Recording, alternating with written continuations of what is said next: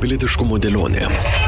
FM99 laidos apie tai, kas vyksta aplink, apie karo pasiekmes Lietuvai ir pasauliui, pilietinės visuomenės svarbą, dezinformaciją ir gebėjimą ją pažinti, kultūros įtaką, kuriant imperialistinę visuomenę ir kaip išlikti atspariems išorės grėsmėms. Klausykite. Visi mes gyvename pasaulyje, kuriame pilna informacijos ir nuomonių įvairovės. Na, kokiame pasaulyje gyvena rusų ir baltarusių žurnalistai, kurie dabar gyvena ir dirba Lietuvoje, Latvijoje, kitose Europos ir pasaulio šalyse. Šiandien kalba ne apie žodžio laisvę, o apie moralinį pasirinkimą, kas yra žudikai ir kas yra aukos, kokia to pasirinkimo kaina. Apie tai pokalbės su Šarūnu Černiausku, tyriamosios žurnalistikos centro siena įkūrėjų ir Dainiumi Radzevičiumi, žurnalistų sąjungos prezidentu. Klausykite pilietiškumo dėlionėje. FM99 eterija antradienį 10.30, kartojama ketvirtadienį, šeštadienį ir sekmadienį. Laidą surasite ir FM99 radio podcast'o epizoduose bei YouTube kanale. Pilietiškumo dėlionė. Klausykite šiandien. Sveiki, bičiuliai, studijoje prie mikrofono Liudas. Šiandien e, mūsų pokalbis apie žurnalistiką ir apie žurnalistus. Mūsų pašnekovas e, Šarūnas Černiauskas, tyrimosios žurnalistikos centro siena įkūrėjas. Labadiena, Šarūnai. Sveiki. Malonu girdėti tave. Šiandien noriu kalbėti ne apie žurnalistiką, ko gero, o daugiau galbūt apie žurnalistus. Po karo Ukrainoje pradžios Lietuvoje, Latvijoje, Estijoje, na, begalė Europos šalių ir po visą pasaulį įsibarstė rusų ir baltarusių žurnalistai. Nebejoju, kad Šarūna ir tau teko bendrauti ne su vienu, jo lab, kad esi tyriamosios žurnalistikos atstovas. Bet mane šiandien neramina toks klausimas. Vis dėlto prabėgus beveik 300 dienų, netrukus mes minėsime karo pradžios 300 dienų, vis dėlto tas neapibrieštumo laikas, kas yra žudikai ir kas yra aukos. Kaip tau atrodo, ar iš tikrųjų e, mūsų kolegos žurnalistai, nors tarp jų yra ne tik žurnalistai, vis dėlto jau pasirinko, kasgi šiame kare yra žudikai, o kas yra aukos? Na, bent jau tie kolegos, su kuriais mes bendradarbiaujam, mes dirbam, tai jie, jie abejonių neturi. Ir tie žmonės, nepaisant to, kad beveik visi mano kolegos šitoje vietoje yra, na, paprastai tariant, praradę tėvynę ir negali grįžti namo neapibrieštam laikui. Jie toliau dirba, jie toliau stengiasi parodyti, kas iš tikrųjų vyksta ir jie toliau rizikuoja. Jie toliau atskleidžia nusikaltimus tiek Rusijos, tiek Baltarusijos režimų, jie tikrai intensyviai dirba, kad atskleistų ir karo nusikaltelius ir, na, iš tikrųjų tie žmonės yra verti didžiausios pagarbos. Taip, sutinku, bet vis dėlto jie nesudaro absoliučios daugumos tų žmonių, ypatingai po mobilizacijos paskelbimo, kurie pabėgo iš Rusijos. Nežinau, negalima čia tepti visų viena juoda spalva, bet man kartais atrodo, kad kai kurie, man teko irgi su jais bendrauti, jie vis dėlto pasilieka tam tikrą atsarginį variantą. Aš puikiai suprantu, kad to žiniasklaidos priemonės ir tie žurnalistai, kurie jau nuo 2014 metų prasidėjus karui Ukrainoje, iš tikrųjų labai ryškiai pasirinko savo pusę. Bet didžioji dauguma iš jų, aš ne prie kryžiaus noriu kalt, aš tik noriu su tavimi įsiaiškinti vis dėlto, kuo mes galime kaip kolegos tikėti, o kuo ne ir kokie yra tie kriterijai, kur yra ta moralinė riba. Na, aš manau, kad kiekvienos žiniasklaidos priemonės patikimumo matas ir matavimo vienetas yra jos turinys. Geriausias būdas yra tiesiog stebėti turinį, skaityti, žiūrėti, klausyti ir savo galvą pasirinkti, ar šita žiniasklaidos priemonė yra patikima ar ne. Tai kito, kito varianto netgi nelabai matau, nes vis dėlto tas moralinis lankstumas, jeigu galima taip išsireikšti, jis labai lengvai yra matomas būtent per turinę prizmę. Ir vėlgi taip pat norėčiau pabrėžti, kad yra toks faktorius kaip klaida. Ir žurnalistai taip pat klaidas daro. Jeigu tos klaidos yra pripažįstamos ir ištaisomos, tai aš manau, kad viskas tvarkoj. Jeigu yra klaidų nepripažinimas, tada, na, jau turim problemą. Tavo nuomonė, aš tai pastarąją savaitę, ko gero, nemažai buvo įvairių diskusijų visose lygmenyse apie Doštį arba TV Rein, kurie įsikūrė Latvijoje ir štai Latvijų įstatymas numatė, na ir teisinės institucijos numatė, kad jie nesilaikė licencijos sąlygų ir ta licencija buvo atimta ir štai čia kilo tikra audra. Kokia tavo nuomonė? A, jo, čia sakyčiau, galbūt netgi reikėtų išvalgų labiau ne iš žurnalisto, o iš kokio nors komunikacijos specialisto. Nes bent jau aš, kiek stebėjau tą situaciją, tikrai negaliu pasakyti, kad stebėjau kiekvieną jos epizodą, bet nu, mačiau labai daug komunikacinių klaidų, sakyčiau, taip iš došt pusės. Kad, na, pirmiausia, nebuvo tinkamai reaguota į patį incidentą, paskui buvo tam tie visi reikalai su ateimu į posėdį, tikintis, kad jisai vyks rusų kalba ir nereikia čia jokio vertėjo. Čia, čia yra grinai komunikacinės klaidos ir aš suprantu, kad šitaip yra na, labai lengva susideginti. Žiauriai lengva. Kita vertus, na, pats sprendimas. Galiu pasakyti atvirai savo nuomonę. Aš manau, kad tai yra baisus sprendimas ir apskritai tai pakenks netgi saugumo jausmui tikrai padorių ir gerų žurnalistų iš Rusijos, iš Baltarusijos, kurie šiuo metu yra mūsų ir kitose valstybėse Europos Sąjungos išsibarst. Nes iš tikrųjų tai gali būti pagrįstai suvokiama kaip tai, kad na, tu negali padaryti klaidos, gali padaryti klaidos, nes tada bus viskas. Nes tada Europos Sąjunga tau užtrenks duris prieš nosį ir sužlugdys tavo gyvenimą. Tai tai yra baisu, bet kita vertus aš ir iš dalies, manau, suprantu, dėl ko buvo priimtas būtent toks sprendimas. Nes, na, įsivaizduokit, tai padaro opozicinis Rusijos kanalas, jam yra pagrumojama pirštu, sakoma, daugiau kaip nedarykit ir to viskas baigėsi. Tai pirmas faktorius bus tai, kad na, bus tikrai didelis pasipiktinimas iš visuomenės apskritai, kaip čia jūs taip švelniai praleido tokį dalyką. Ir mes tai matom, kad nebuvo praktiškai nuo pirmos akimirkos reikalaujama griežčiausios atsakomybės. Kitas dalykas, na, jeigu tu pagrumosi pirštu ir nepritaikysi rimtų priemonių, tai taps precedentu, kuris gali būti panaudojamas, tarkim, teismuose iš tikrai rimtų ir nebejotinų propagandos kanalos, kanalų pusės, ten, pradedant visokiais lietuviškais juraičiais ir baigiant tokiais žaidėjais kaip ten Rusijos pirmas kanalas, kuris tokius dalykus gali išnaudoti, pavyzdžiui, bandymams legaliai sugrįžti į ES eterius. Taigi aš suprantu, kad tas sprendimas buvo skausmingas, griežtas, bet gali būti, kad kito pasirinkimo ir nebuvo. Jo lab, kad tai nebuvo, juk buvo ir įspėjimai iš kitos pusės. Na, Šarūnai puikiai supranti, kad žurnalistas dirbantis vienoje ar kitoje šalyje vis dėlto turi paisyti tos šalies įstatymų. Ir nors štai mūsų minimas kanalas, iš tikrųjų, kaip jie teigia, mūsų auditorija yra Rusijoje, ten 13,5 milijono pasirašysių prie šio kanalo, bet vis dėlto jie dirba Latvijoje, ES valstybėje. Ir iš esmės tie įstatymai galioja. Kodėl aš taip sakau? Nes labai dažnai štai tie patys rusų žurnalistai, jie sugeba, na, ne tik neutralumą tą e, išlaikyti, bet jie sugeba įrodinėti, kad tie įstatymai, kurie yra čia pas jūs, jie mums netaikytini. Man rodos, ir tu teisingai pabrėžiai precedentas. Jeigu toks precedentas būtų, tai jo galėtų puikiai naudotis visi propagandiniai kanalai. Jo, čia, čia būtų visiškas Pandoros skrynios atverimas. Jeigu tu įtvirtini precedentą, kad ir su gerais ketinimais, tam leisdamas švelniau praslyst, tarkim, normaliam kanalui, vėliau tai, tai gali panaudot ne tik prieš vieną, bet prieš visas ES valstybės, kur kas piktesni žmonės, kur kas blogesnis kės. Tai be abejo, kad precedento rizika yra milžiniška ir dėl to na, aš manau, kad čia pirmiausia iš teisinės pusės ir buvo žvelgiama, kad, kad neatsidarytų pragaro vartai, paprastai tariant. Taip. Šarūnai, vis dėlto konkretizuojant mūsų pokalbį, neveltui minėjau, kad tau tenka bendrauti su Baltarusijos ir nebejoju Ukrainos, Rusijos žurnalistais. Ar tu gali įvardinti tuos leidinius, portalus, tas žiniasklaidos priemonės, kurių pasitikėjimas jau yra įrodytas laiku ir kurių publikacijos iš tikrųjų jos yra tam, kad tai būtų nepriklausoma ir žurnalistika, kuri gali pakeisti pasaulį. Tai žinoma tokia, žinai, svajonių sfera, bet vis dėlto, ar gali juos įvardinti? Taip, žinoma. Čia dėl Ukrainos turbūt sąrašo nereikia, jis ir taip yra ilgas ir daugelis ar tiesiogiai, ar per Lietuvos žiniasklaidos priemonės tos ukrainietiškus kanalus žino. Kas liečia Rusijos kanalus, na, galiu pasakyti tikrai normalaus patikimo turinio kanalus, su kuriais ir mes karts nuo karto bendradarbiaujam.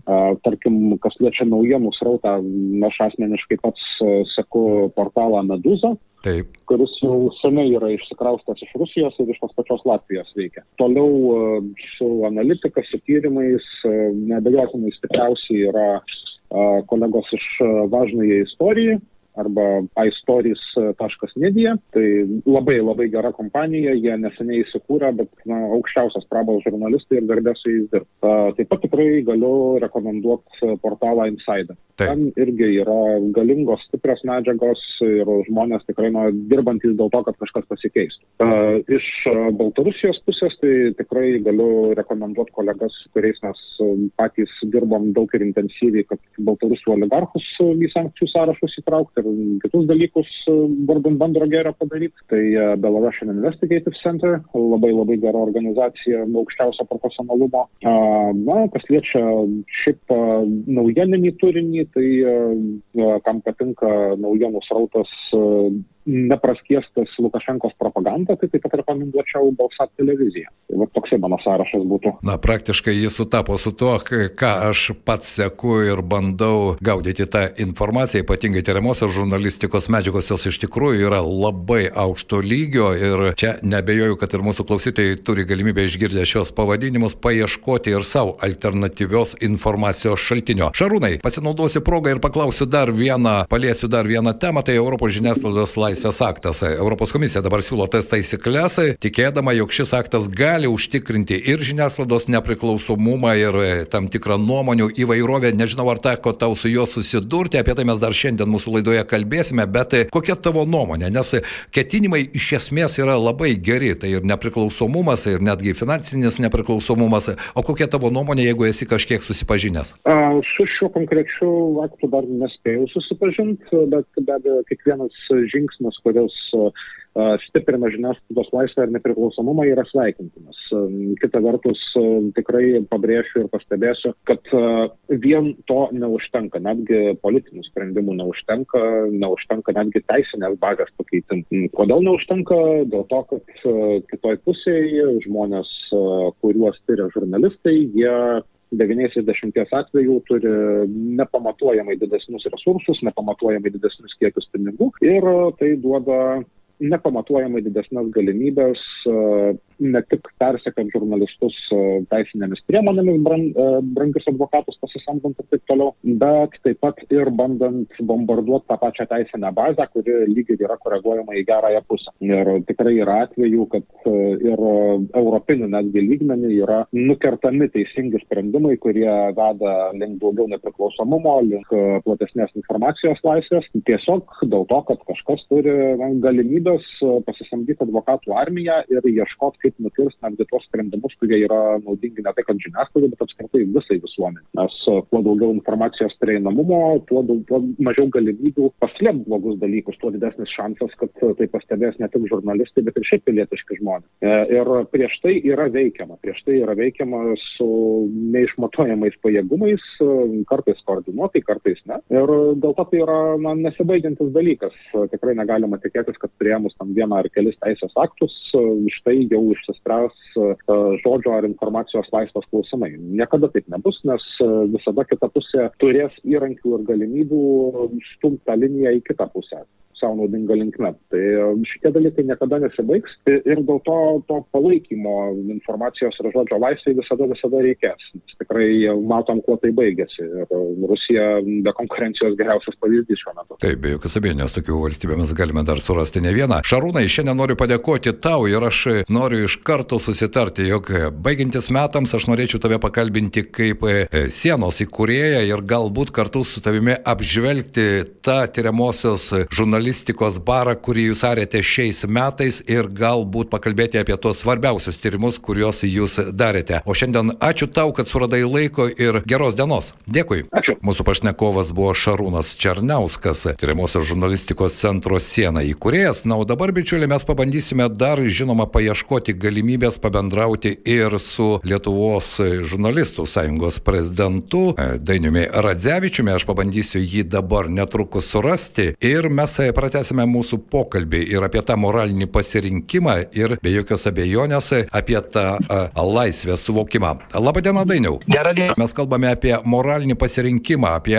Rusijos, Baltarusijos žurnalistus, kurie dabar dirba, gyvena Europoje įvairiose šalyse ir kurie vis dėlto taip ir nepasirinko tos pusės, kas yra auka, o kas yra žudikai. Dainiau, tau tenka bendrauti su daugelio šalių žurnalistais. Tavo nuomonė, ar iš tikrųjų negalima visus tepti vieną spalvą? Dainiau, aš tikiuosi, kad jūs mus girdite. Girdžiu, girdžiu dabar. Aš padėjau kalbėti apie Rusijos ir Baltarusijos žurnalistus, mes ką tik tai aptarėme tą temą, jog yra dar nemaža, nemažas jų būrys, kurie taip ir nepasirinko vieną ar kitą pusę. Tai yra aukos ar žudiko pusė. Tavo nuomonė, tu irgi bendrauji su žurnalistais iš įvairių šalių. Kodėl taip yra? Oi, sunkus klausimas, bet aš manau, kad vis dėlto didžiąją dalim tai nulemta uh, kiekvieno žmogaus šeimos, kultūrinė, na, galų galia darbinė ir kitokia aplinka.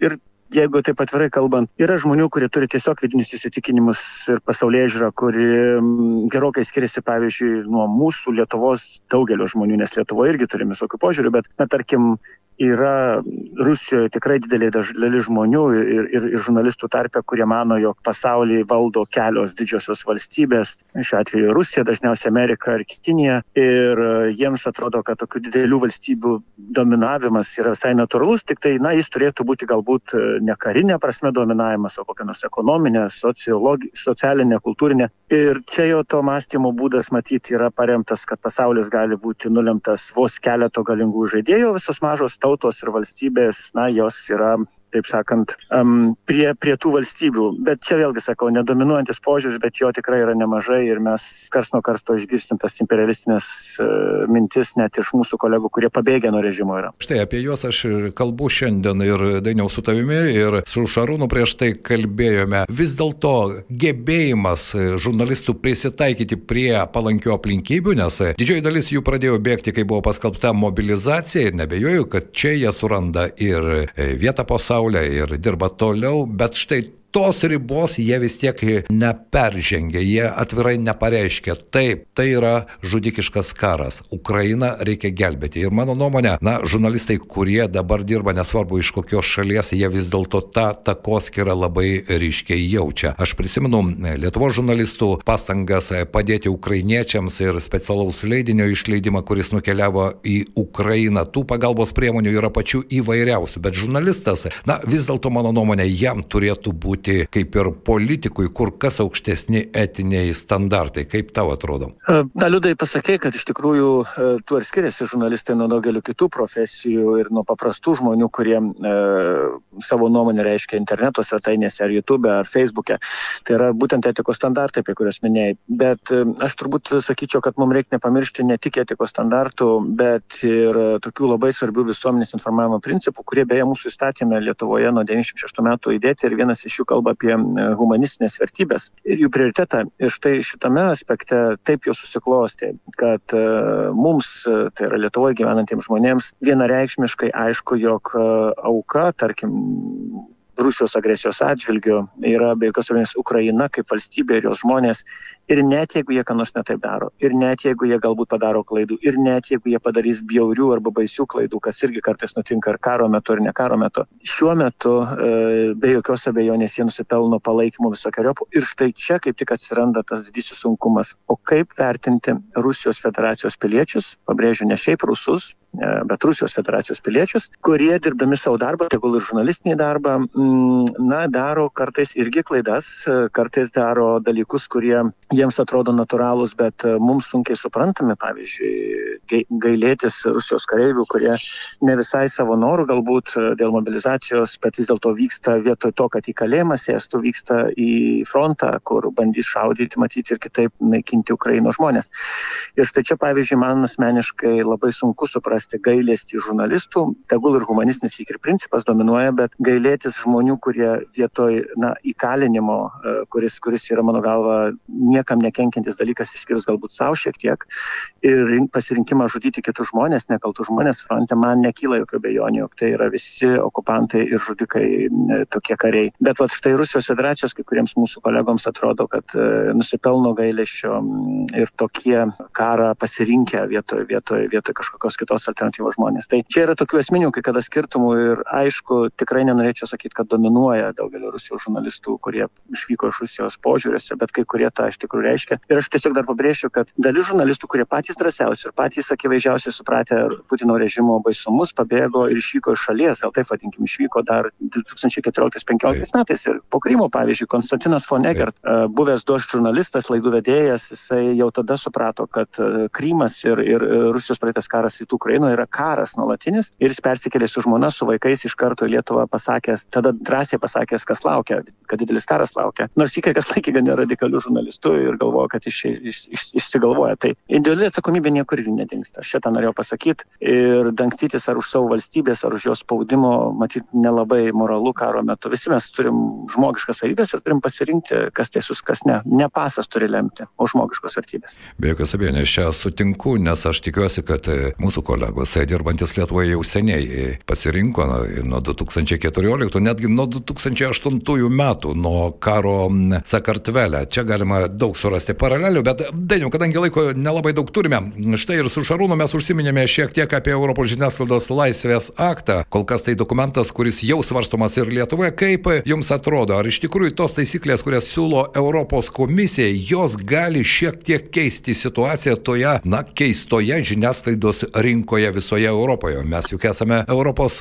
šalis. Mielas Sudai, aš sutinku, kad e, turbūt ne žiniasklaida keista rinka, pasaulis tapo keistas ir politika tapo keista. Šiandieną mes turim žymiai daugiau iššūkių ne tik pačios žiniasklaidos, jos požiūrio arba žurnalistų požiūrio, bet turime daugybę iššūkių, tarkim, dėl politikų požiūrio. Nežinau, štai Europos parlamente dabar Taip. skandalas dėl korumpuotos Graikijos politikės. Aš drįšiu sakyti, kad šitas aktas yra uh, didelis bandymas, naujas bandymas ES ieškoti tokių žaidimo taisyklių žiniasklaidoje, kurios padėtų, pirmiausia, ką padėtų maksimaliai sumažinti manipulacijų galimybės. Aš kalbu ir apie socialinių tinklų platformas ir jų algoritmus ir, ir, finansinius, taip sakant, įsipareigojimus, kai kada brūkti žmonėm turinį, kurį, kurį užsakovai mano, kad reikėtų brūkti tame tarp ir politinį arba netikras naujienas. Aš kalbu ir apie dominavimą kai kurių žiniasklaidos korporacijų.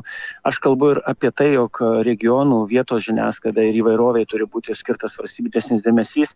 Tai tas aktas be jokios abejonės kalba ir viena vertus apie tam tikrus ribojimus dominuoti didelėm korporacijom, bet kita vertus kalba ir apie žurnalistų apsaugą nuo persiekimo ir panašius dalykus. Tai aš sakyčiau, tai yra didelis bandymas, labai svarbus bandymas, bet didžioji dalis šito akto įgyvendinimo priklausys nuo pačių valstybių. Ar jos tikrai norės, ar jų politikai norės ir visuomenės norės prioritetą suteikti žurnalistikai žiniasklaidoje, o ne e, kokiu nors interesų dominavimui. Ir čia kalbu ne tik apie verslo, bet ir politikos interesus. Be jokios abejonės ir aš galvoju, kad e, mūsų dar laukia ilgas pokalbis apie tai, nes aš nebejoju, kad pilietiniai visuomeniai reikia ir nepriklausomos žiniasklaidos. Dainiau, šiandien ačiū Jums už galimybę pabendrauti, dėkui Jums už Jūsų nuomonę. Dėkojame mūsų pašnekovai, o aš noriu priminti, jog šios dienos mūsų pokalbis tai yra ne apie žodžio laisvę, o apie moralinį pasirinkimą. Yra žudikai ir yra aukos. Aš tikiuosi, kad mūsų klausytojai taip pat žino puikiai, kokia yra ta riba ir tas vadinamas neutralumas,